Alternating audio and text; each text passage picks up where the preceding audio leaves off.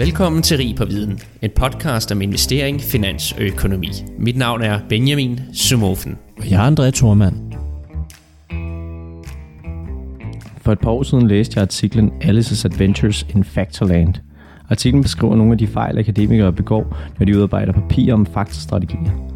Noget af det interessante i artiklen var, at for eksempel i 2018, så blev der publiceret over 400 forskellige faktorstrategier, og derfor opstår spørgsmålet naturligt om det kan være rigtigt, at alle de her faktastrategier virker, og om det er muligt at genskabe strategierne. Og det er noget af det, vi for eksempel skal tale om i dag.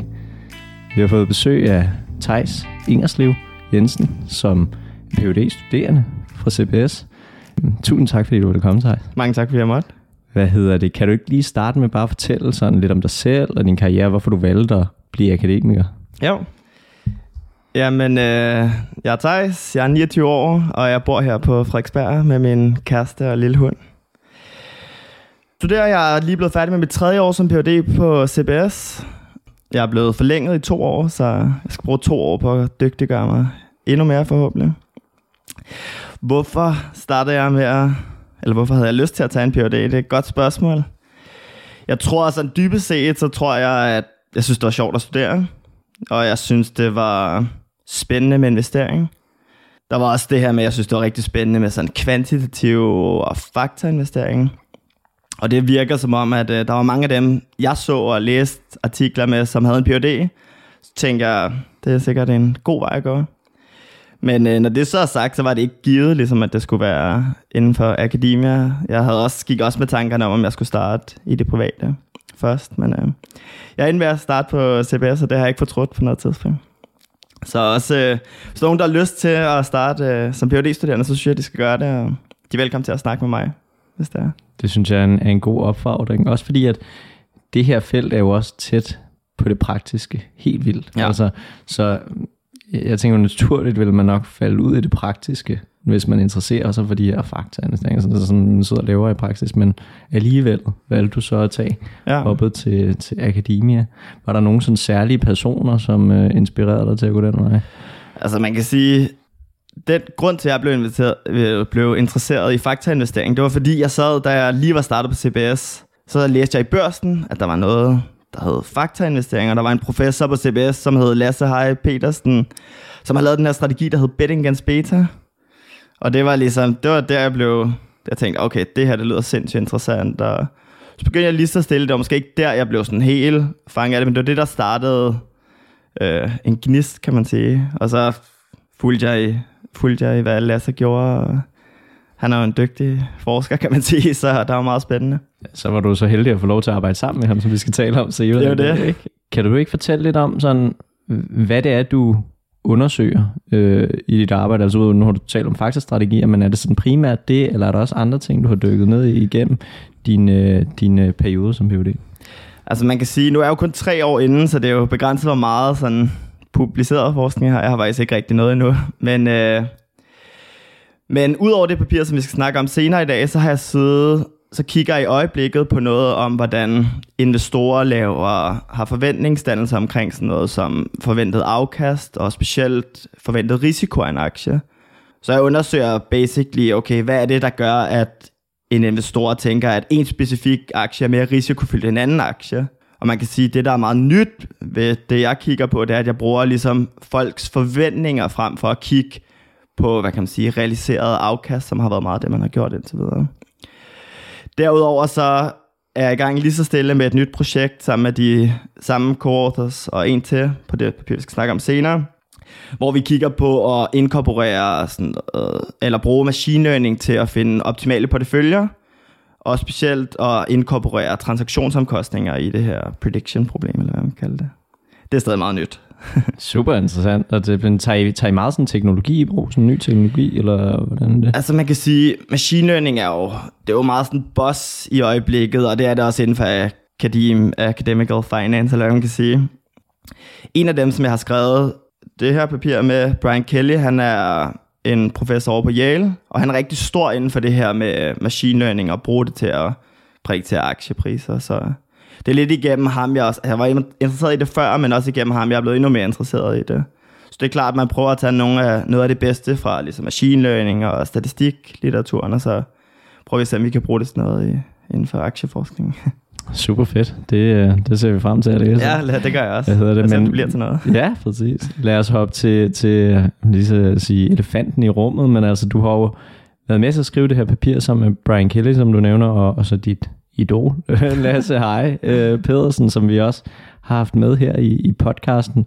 Kan du fortælle sådan lidt om, hvorfor du valgte så at være med på det, men, men hvad, hvad, hvad var øh, det interessante, før I valgte at skrive det her? Hvad var gnisten, om du vil? Ja, man kan, man kan sige, at det her papir, det er ligesom kommet ud af forskellige ting. Det var specielt fordi, at her i starten af 2020, der tog jeg til Yale på et udvekslingsophold og besøgte Brian Kelly. Det var, igen, det var Lasse, der stod for det, og, og så ved du, så kom jeg derover, og så begyndte jeg at snakke lidt med ham, og vi begyndte at diskutere, om vi skulle, hvad for nogle type papirer, hvis vi skulle skrive et sammen, hvad det så kunne være. Og der var det egentlig i starten noget af det her med sådan machine learning til at predict øh, aktieafkast. Og så tænkte vi, okay, men det er der alligevel mange, der har gjort, så det vi vil gøre nyt, det var, at vi ville kigge på et internationalt, øh, på internationalt data. Så jeg startede egentlig min udveksling derover med at begynde at lave et kæmpe datasæt med øh, aktiekarakteristikker og aktieafkast fra mere end 90 forskellige lande. Og det var jo et, det var et kæmpe projekt, og det var jeg godt i gang med, da corona lige pludselig kom og gjorde, at jeg blev nødt til at tage hjem. Men øh, heldigvis så holdt mig og Brian kontakten, og det var Lasse også en stor del af. Og så lige så stille i, lad os sige, måske omkring maj, så var vi ved at være færdige med at bygge det her datasæt. Og så begyndte mig og Brian og Lasse at snakke lidt om det, prøve at analysere det lige så stille. Og så en af de ting, altså vi lavede sådan nogle simple analyser, bare lige kigge, prøve at forstå, hvordan data var. Men en af de ting, der slog os ret meget, det var, hvor konsistente faktorer egentlig var på tværs af lande. Det var sådan, det er ikke givet, at bare fordi det noget har været godt i USA, så skal det også være godt i Danmark for eksempel. Men det var egentlig det, vi fandt i høj grad. Og det kan man sige, hvorfor er det interessant? Der er nogen, der siger, okay, det er ikke overraskende, der er god forskning bag det her, men den gældende sådan tankegang inden for akademia på det tidspunkt var, at fakta, øh, faktalitteraturen var meget ustabil på en eller anden måde, at der var måske en data mining ind om det, eller også så blev der fokuseret for meget på små aktier, og sagt på en anden måde, der var meget, altså konsensus virkede til at være, at fakta investeringen eller fakta litteraturen ikke var specielt robust. Så der kan man sige, at vores data virkede vise noget andet, og derfor blev vi ligesom inspireret til at gå den her vej med at kigge på den her replication crisis inden for faktorinvesteringen. Ja, og nu, nu siger du jo allerede ordet, som øh, vi lige skal lære at forstå. Altså det her replication crisis, hvad, hvad, du har du allerede talt lidt om det, men hvis man skal prøve at sådan definere det og, og tale lidt om, hvorfor, altså det er fordi det er ustabilt, men, men hvad har gjort, at man ligesom har haft den kritik af finans? Ja. Altså først og fremmest så, hvad er en replication crisis? Man kan sige, en replication crisis inden for forskningsverdenen, det er, det, det, der kan man sige, der er forskellige grader af det her. Basically er det, hvorvidt et publiceret papir kan blive genskabt af nogle andre forskere. Altså et resultat robust til, til øh, at der er andre, der kigger på det. Man kan sige, at der er flere grader af det. Den mest ekstreme grad, som måske er det, som mange tænker på, det er, at man ikke kan genskabe de samme resultater, selvom man bruger præcis den samme metode og den samme data. Og det er jo altså, det er, det er et kæmpe problem. Hvis du ikke kan det, så er der ikke særlig meget troværdighed i, inden for forskningen. Så forskning er ikke så meget værd. Det er intet værd, kan sige, hvis du ikke kan genskabe det. Det virker ikke som om, det er et stort problem inden for faktalitteraturen. Øh, der er et nyligt papir af Andrew Chen og Tom Zimmerman, som jeg også tror, du har set før, øh, hvor de siger, at hvis du gør præcis det samme som i det originale papir, så er det cirka 98% af alle faktorer, du kan genskabe. Så det, er, det virker ikke til at være et problem inden for, inden for faktalitteraturen. Så der er en anden grad af det, som er mindre, den er ikke lige så slem, men den er stadig, det er stadig et stort problem. Og det er det her med det, man kalder scientific replication. Og det vil sige, at du ikke kan genskabe et papir, hvis du bruger lidt anderledes data eller en lidt anderledes metode. Og det er simpelthen, okay, så er det ikke robust til de her små ændringer, selvom det ikke burde have nogen indvirkning på den teori, som forskerne ligesom har. Og det har været et større problem i, øh, i finansiering. Så det er, den, det er ligesom den kritik, vi går ind og, vi går ind og, og prøver at svare på. Ja, og, og, og, og grunden til, fordi at, øh, vi er jo inden for investering, altså vi, vi er inden for nogle papirer, som måske har skrevet noget i retning af, øh, hvis du bruger de her forskellige faktorer, så har den her strategi overperformet øh, et eller andet indeks og så videre. Ikke? Så, så det er jo også, øh, jeg tror det er, det er vigtigt at slå fast det her med, at når man skriver sådan noget, og hvis man så, nu kan man så godt, det er jo så noget af det, vi kommer frem til, ikke? men hvis man så ikke kan genskabe det, så er den strategi jo ikke noget værd, kan man sige. Vel? Altså så har du sagt, jeg har fundet ud af det her, der er en virkelig god strategi, og hvem ved, øh, det, det kommer ud og bliver publiceret, det kan være, der er nogle praktikere, der, gør, der tager det op, og så videre, afprøver det, men finder så måske ud af, at det slet ikke er noget værd. Ja. Øhm, men, øh, men altså, jeg, jeg tænker det, fordi at jeg har også læst om, om den her kritik mange steder. Så hvad, kan du fortælle lidt om, hvad, hvad har der sådan været bagudgående for den kritik? Altså, fordi en ting er, at der er nogle papirer, der finger frem til det, men der må også være et, ligesom et eller andet, der har tændt øh, den ild, der hedder de der faktorpapirer. Kan vi ikke rigtig bruge til noget, fordi det er umuligt at genskabe. Ja, altså det er vigtigt at sige, at det er jo sådan sund akademisk skeptisk, kan man sige. Jeg synes, det, der har været nogle ekstremt vigtige papirer, som har kigget på det her, om hvorvidt der faktisk er en krise. Og man kan sige, to af de, de to mest prominente papirer måske, som vi også virkelig går ind og, og tager seriøst, der kan man ligesom sige, der kan man, man kan dele deres argumenter ind i to. Øhm, der er et papir, som siger, at jamen, det er rigtigt, at de fleste faktorer virker, men de virker kun blandt små aktier.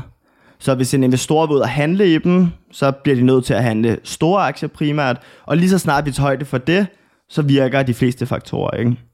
Og deres tal, som ligesom er blevet sådan vores benchmark, kan man sige, det er, at de siger, blandt sådan de velkendte faktorer, der har været publiceret i gode akademiske tidsskrifter, der kan du kun genskabe 35% blandt store aktier. Så altså, det er virkelig et lavt tal. Det siger ligesom, som du siger, det er et vigtigt, øh, altså det er et super vigtigt emne, og fordi at akademia og praksis er så tæt, så er det jo også potentielt en rigtig dyre fejltagelse. Hvis du tror, en faktor virker baseret på en forsker, og så viser det sig, at når du implementerer den blandt store aktier, så virker den ikke. Så det er et kritikpunkt, og, et, og det er et rigtig vigtigt papir, super vigtigt papir. Det, det skal man tage højde for, og det altså, gør vi også. 35 procent, det er jo, så er det jo nærmest, altså det, det er mindre end et mønt flip, ikke? Det kan man altså- sige, det kan man sige, og det er sådan logisk, det virker også rigtig underligt, men... Øh, men ja, det er jo, du kan sige, det er forskellen. Hvis du er under 5, 50 procent, så når du ser et nyt papir, så er dit bedste bud er ikke at stole på det. Så det, det er en rimelig hård kritik, og det er også derfor, det har fået rigtig meget opmærksomhed. Så er det det andet kritikpunkt, som også er det, som en af dem, der har skrevet den her Alice in Factor Land, eller hvad det nu er, den Det er hedder. en mega fed titel. Det er en super fed titel. Ja, helt klart. Nu kan jeg så ikke lige huske Den helt. får opmærksomhed. Alice's Adventures in Alice's Factorland. Adventures in Factorland. Så en af de øh, authors, der har skrevet det, har skrevet et andet rigtig vigtigt papir, som siger, at men det kan godt være, at vi observerer en masse faktorer, der bliver publiceret, men vi skal også tage højde for, at der er rigtig mange, som blev testet, men som aldrig blev publiceret. Og derfor, hvis du bare vælger fra en stor pulje, men kun, kun publicerer dem, som har, som har gjort det godt, så har du en eller anden form for bias, som man kan kalde den en data mining bias. Men øh, det er lidt mere en statistisk øh, pointe med, at du skal tage højde for det her med, at der er testet mange faktorer, når du kigger på en enkelt faktor. Igen rigtig, rigtig vigtigt papir, og deres konklusion er også, at øh, the majority of factors does not exist or are false hvad man kan sige. Så de siger også, at størstedelen af de publicerede faktorer, de faktisk ikke virker i praksis. Og den her baggrund, det, det er også derfor, jeg spurgte ind, til, den er jo super vigtig at have med. Så, så nu har du fortalt det en gang, men hvad er det så, I gør anderledes end, end de her, som gør, at I måske kommer frem til noget, som ser lidt mere optimistisk ud på sådan ja. faktorverdenens vegne? Ja, men man kan sige, at vi gør to ting til at, for ligesom at, at ramme begge de to pointer. Øhm, den ene er, vi kan godt genskabe de her 35% i vores data, men hvis vi skal genskabe det, så skal vi virkelig tage nogle hårde antagelser. Altså det, vi tager ikke, hvis vi gør, bare gør det, vi tænker ligesom er det naturlige og sådan, hvordan ville vi gøre det her, hvis vi startede fra scratch, så får vi en replication rate på måske 75%. Og så ja, okay, det er rimelig forskelligt fra 35, og så siger vi, okay, hvad skal vi gøre? Vi skal ligesom skralde en del lag af, før vi kommer ned på de 35 procent. Og man kan sige, at en af de store ting, som vi gør anderledes i forhold til det papir, det er, at vi kigger på alfa i stedet for det rå afkast. Så vi kigger ligesom på, okay, tjener den her faktor penge relativt til det, KBM vil, vil prædiktere. Og det viser sig at gøre en stor forskel, for eksempel for sådan noget som betting against beta. Betting against beta er en af de strategier, som det andet papir her siger, at det kan vi ikke replikere. Og intuitivt virker det lidt mærkeligt, fordi at betting beta er måske en af de stærkeste faktorer, vi har, og der er mange, der handler på det, og der er mange, der ligesom tror på den her faktor. Så hvorfor er det, at de så ikke finder det? Jamen det er, fordi de kigger på det rå afkast. Og hvis du kigger på det rå afkast, så høj beta-aktier og lave beta-aktier har cirka det samme afkast. Betyder det så, at betting beta-strategien ikke virker? Nej, det gør det ikke rigtigt, fordi at pointen med det er, at du kan, du kan give lav beta-aktier op, og du kan give høj beta-aktier ned, og så får du et rigtig højt og positivt afkast. Og det er sådan noget, der kun kommer frem, hvis du kigger på alfa kontra rå afkast. En anden vigtig pointe i forhold til det er, at de fleste papirer, der publicerer inden for den her litteratur, kigger på alfa og ikke på rå afkast. Så du siger, man kan sige, at du får ikke så meget kredit, hvis du får en, har en faktor, som tjener positiv afkast, men har et stort positiv beta, fordi så vil alle sige, jamen okay, så kan du bare investere i markedet. Det, der har ligesom været pointen med det her, det er at finde ting, som ikke holder sig overens med KBM. Og det, det gør virkelig en stor forskel på, på vores øh, replication rate.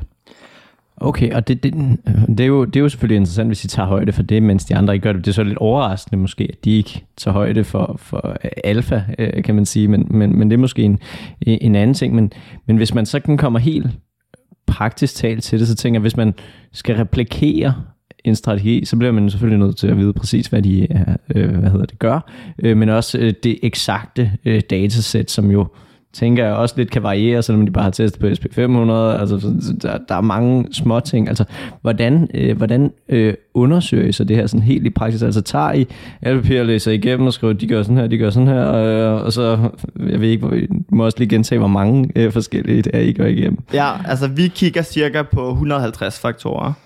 Og det er sådan, ja, der er måske Måske er der 200, der er publiceret rigtig gode steder, men dem vi kigger på, vi kigger ligesom på 150, for det er dem, vi kan genskabe i global data. Og er det 150 forskellige, altså taler vi øh, en momentum, en betting against beta, en øh, value, og øh, så en hel masse, eller er det så value 1,0, 2,0, 3,0, 4,0? Ja, og det, det er en rigtig god point. Det er en anden af de pointer, vi laver i papiret, at der er ikke 150 unikke faktorer her. Der er 20 forskellige value faktorer, der er 20 forskellige low øh, risk faktorer og, og 20 forskellige momentum faktorer. Det er måske at overdrive det lidt, men i papiret der finder vi, at hvis vi starter med de her 153 faktorer, så kan vi faktisk øh, gruppere dem ind i 13 forskellige temaer, overordnede temaer, så du kan se, det er ret forskelligt, om du tror, der er 150 unikke faktorer, det virker som lidt for meget, men at der er 13 sådan, temaer, som, og temaerne overlapper, det virker måske mere rimeligt. Så ja, vi gør helt klart noget for ligesom at sige, okay, bare fordi du har en, ja, du har ligesom value factor tankegangen, som du vil teste. Okay, hvad kan du gøre det? Men du gør det på mange forskellige måder. Du kan sige, jeg kan kigge på earnings to price, eller jeg kan kigge på sales to price. Begge de to er rimelige, for vi ved ligesom ikke, hvad den rigtige er. Men det betyder ikke, at du har fundet to unikke faktorer. Det betyder, at du har fundet to afarter af value-faktoren. Det kan man også sige, der kan man blive lidt mindre pessimistisk på den her data mining tilgang eller tankegang. Øhm, men også nu du kommer ind i det, så en stor del af det vi gør, er jo også det her dataarbejde med, at vi kigger ikke kun på, på data for, på amerikansk data, men vi kigger også på global data. Og det kommer mere tilbage til det her data mining kritikpunkt, som siger, at jamen, okay, hvis alle kigger på det samme data, så bare ved tilfældighed, så finder du noget, der er signifikant. Og, og det er en god pointe, men man skal også tænke på, at i akademia, så måske 95% af al forskning inden for faktainvestering har været på amerikansk data. Det har været super let tilgængeligt, og det har været det, som alle har kendt. Men det vi gør, det er, at vi kigger jo, altså vi kigger ikke kun i USA, vi kigger også i Storbritannien, vi kigger i Japan, vi kigger i Danmark. Vi kigger faktisk i over 90 forskellige lande. Og det hjælper ligesom med at tage lidt af brøden af den her data mining kritik på, fordi at hvis det var ren data mining, det der skete i USA, så ville du forvente, at når du kiggede i et andet land, så var det fuldstændig tilfældigt, om en faktor virkede eller ej. Og det finder vi på ingen måde. Vi finder faktisk, at hvor godt den har gjort i USA, er et rigtig, rigtig stærkt signal for, hvor godt den har gjort det andre steder end USA.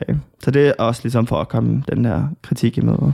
Okay, så det skal jeg lige være sikker på, at jeg forstår. Så hvis vi tager de 150, øh, øh, eller var det 163? 150, ja, 53. Ja, 150, 163. Lad os sige 150. Højt, højt tal. Ja. Øhm, og så, så tager alle dem i, jeg ved ikke, er det det, man kalder egentlig testing cross-section, eller hvordan, når man gør det i andre lande? Øh, nej, altså når du, normalt når du siger testing en cross-section, så mener du, at du gør det inden for et land på tværs af aktier der. Altså Okay. sådan, så på et givet tidspunkt. Men du kan jo sige, det er jo rigtigt, det er jo en cross-section af countries, vi så gør det ud over det. Okay, jamen jeg skal altså lige huske, Ja, om nej, det er det det ene eller det andet, selv. fordi Ja, det er ja. sådan et, det er også lidt et boss i akademia, ikke? Ja, klart. det er sådan, hvis du skriver det, så er det eddermame godt. Ja, ja. Men øh, hvad hedder det, men, men hvis I så tager de øh, 150, og så siger, okay, øh, det er nok størstedelen af dem, som du siger, har været testet i USA. Så hvis I tager dem og siger så, okay, øh, nok ikke Danmark, det er nok for smart, men øh, Tyskland, øh, Frankrig, øh, England, whatever, øh, på, på aktier der, så virker de også. Og er det sådan for de alle de 150 eller hvordan? Ej, det, der er selvfølgelig en stor variation inde i, og jeg kan ikke komme ind, jeg kan ikke huske specifikt, Nej, nej, nej. nej. hvad det er, hvor det er, der er forskel, men det er klart, at der er nogen, hvor de skuffer øh, out, eller de skuffer i andre lande relativt til USA, og så er der nogen, hvor de gør det bedre i andre lande, end de har gjort det i USA. Og nu du siger, altså vi har Danmark med i det her, Okay. og sådan helt lavpraktisk det vi gør, det er, at vi kigger på en US-portefølje, så kigger vi på en portefølje med developed markets uden USA, og en portefølje af emerging markets. Men sådan øh, on average, øh, så, så gør de det lige så godt internationalt som i USA. Eller hvad var det sådan, det var? Vi har i hvert fald, ja, nu skal jeg lige tænke, altså, det er svært at sige, der er altid, hvordan man vender og drejer det, men, men ja, det virker til, at det liner ret godt op, at hvis du har en alfa på 5% i USA, så er det bedste bud er, at du har måske en lille smule lavere i andre developed market countries. Okay. Jamen det er jo, det er jo, en, det er jo en vigtig øh, del af det. Men jeg vil gerne lige tilbage til det der med, at du siger, at I, I har fundet 13 temaer inden for de her 150.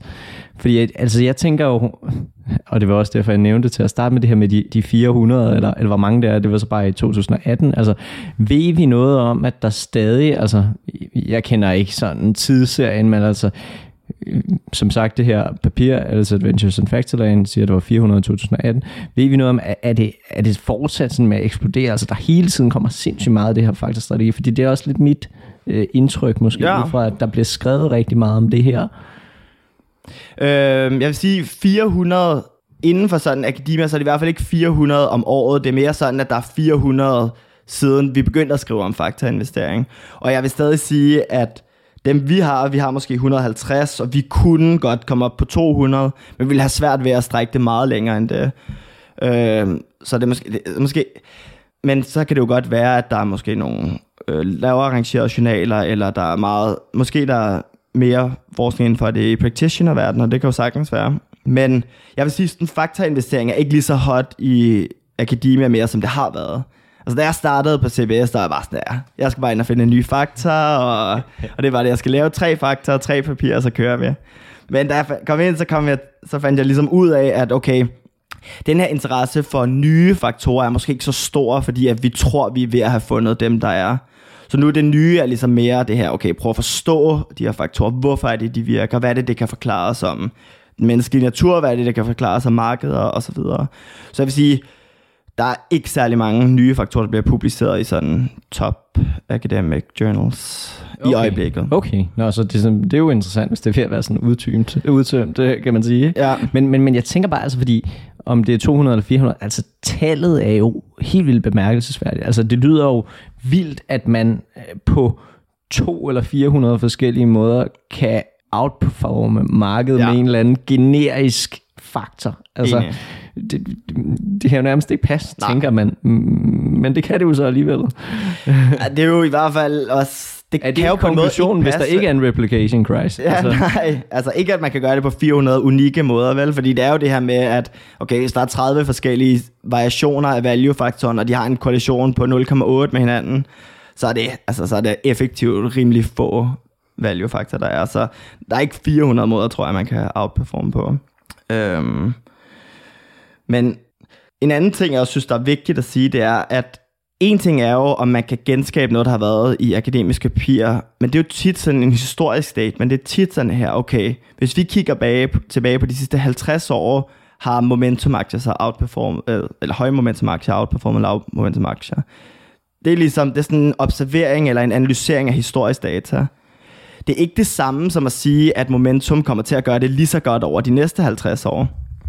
Altså fordi, at der kan være mange rigtig gode grunde til, at det gør det dårligere, ikke også? Altså, vi har mere likvide markeder, og vi har flere, der handler på det her, og altså noget så simpelt som, når det bliver publiceret i en akademisk journal, så er det klart, så folk bliver opmærksom på det, og så er de mere sandsynligt til at handle på det, og så vil man forvente en mindre øh, perform eller en dårligere performance, når man går frem med.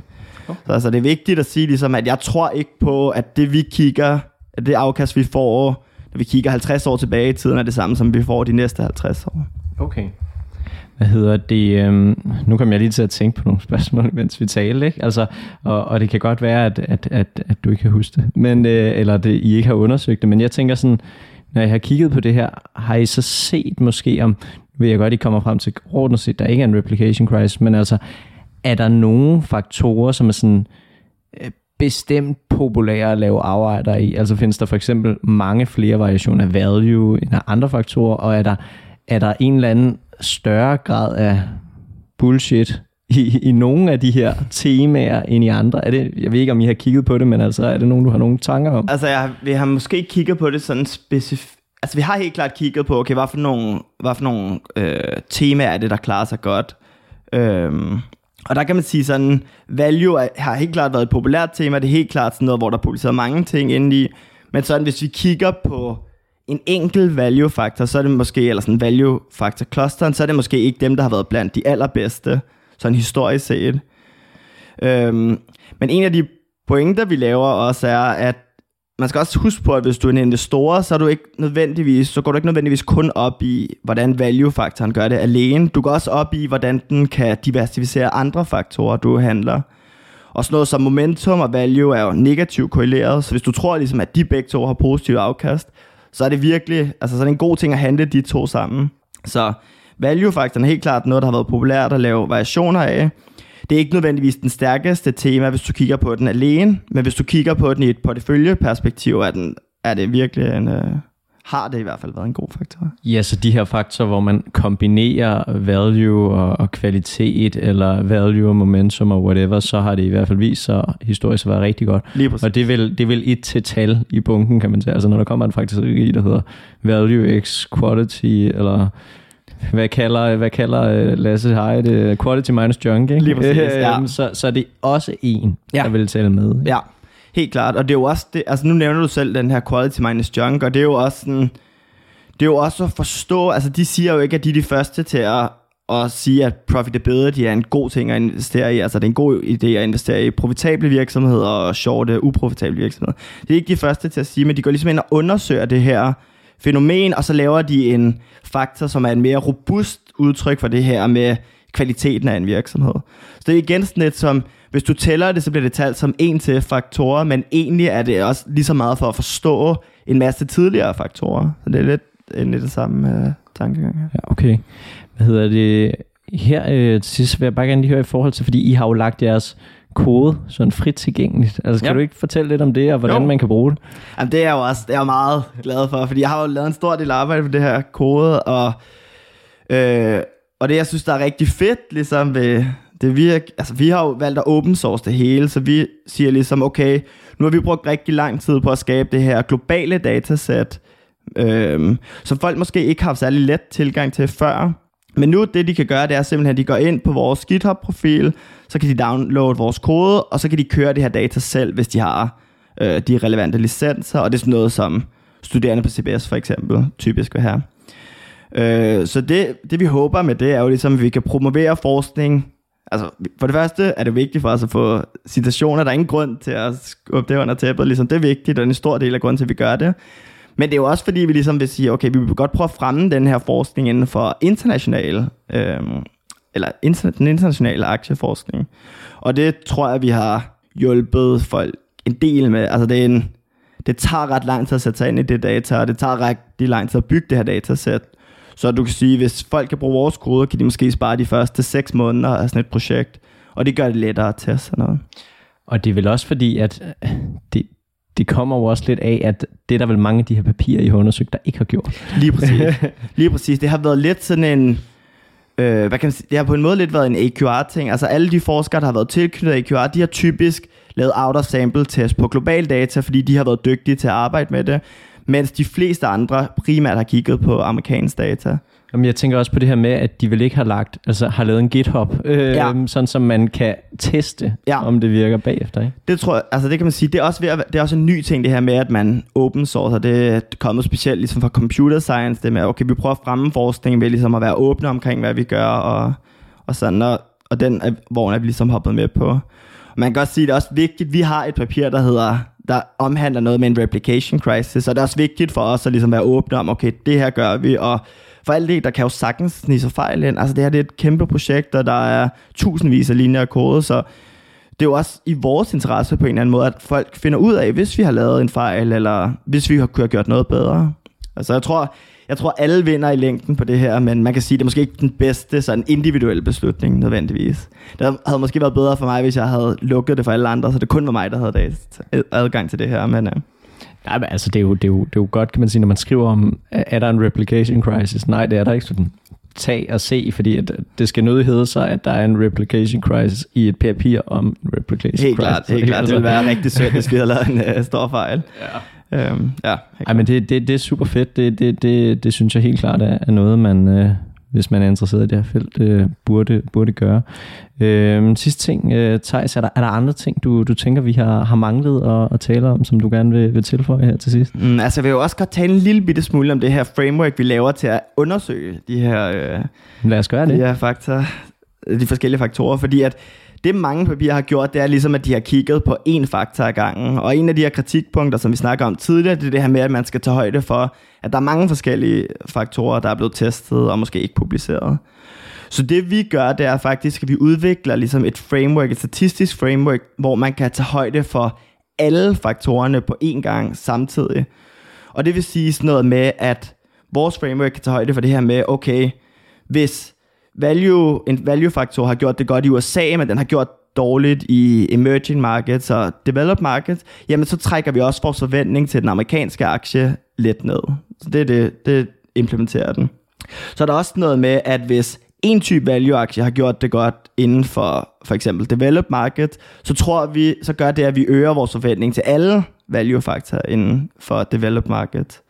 Og det vi får ud af det her, det er ligesom, at vi får på en måde mere øh, styrke til vores test, fordi at ja, vi bruger mere data, men vi kan også lidt bedre håndtere det her med, hvad nu hvis der er nogle faktorer, som vi ikke observerer. Så det vi gør, det er, at vi simpelthen vi simulerer nye faktorer, som har haft dårligt afkast, og så siger vi, okay, hvordan påvirker det, at de har haft dårlige afkast, vores tanke om de her faktorer, som har haft god afkast. Så det vil sige, at vores framework kan ligesom tage højde for det her, og det, og vi, det vi finder er faktisk, at selvom vi tager højde for det her, så er vores konklusion stadigvæk, at måske 80% af de publicerede faktorer er sande på den måde, at med rimelig sandsynlighed, så har de et positivt afkast eller positivt alfa. Okay, så, så, så det er, jeg skal lige være sikker på, at jeg helt har den i forhold til det her med, at I øger forventningen. Så altså, er det basalt set, at I, I, I, I har et højere forventet afkast, øh, kan man sige, hvis der, hvis der, altså når I tester det i bestemte regioner, så hvis der har været i nogle lande, der har været et højere øh, hvad hedder det, øh, afkast, end øh, det I måske har for det enkelte land, så, så øger I den hurdle øh, rate, kan man sige, og tester stadig om alfa virker, eller øh, hvordan øh, forstår jeg det forkert? Ja, vi kigger faktisk mere, altså det vil være ligesom den traditionelle måde, eller måske mere klassiske måde at ændre sit cut-off, altså sit t-statistik cut-off. Men det vi gør, det er simpelthen, at vi går ind og siger, okay, det ændrer vores øh, forventning til størrelsen af alfa. Så hvis value har gjort det dårligere i andre lande, så trækker vi forventningen af value ned, og hvis de har gjort det godt i andre lande, så trækker vi, eller relativt bedre, så trækker vi den op. Så det er mere sådan, at vi går ind og, og justerer på vores forventning til, hvad den kommer til at gøre i fremtiden, eller hvad den, ligesom, den sande effekt har været. Okay, og, og, og det gør den mere robust, eller hvordan? Det kan man sige, det, det, det gør i hvert fald, at vi kan bruge noget mere data til at få en forståelse af det. Altså det er ligesom det her med at, at, at udnytte, at vi har det her globale data. Vi har ikke kun amerikansk data. Udnytte, at vi har øh, data på flere forskellige value-strategier, ikke kun én specifikt. Så jeg vil sige, det er ikke, det er ikke givet, om det gør, at det, at det øger eller det sænker øh, en enkelt faktors performance, men det er helt sikkert, at det gør dig mere øh, sikker på din, dit estimat af din effekt, ligesom, så du, du bliver mere sikker på, at det er et præcist estimat, kan man sige. Okay. Jamen, øh, on that note, så vil jeg sige, at øh, jeg personligt var rigtig glad for det her papir, fordi at det er jo godt at vide, at det felt, man har uddannet sig for i, det ikke er det rene øh, hat og bretter.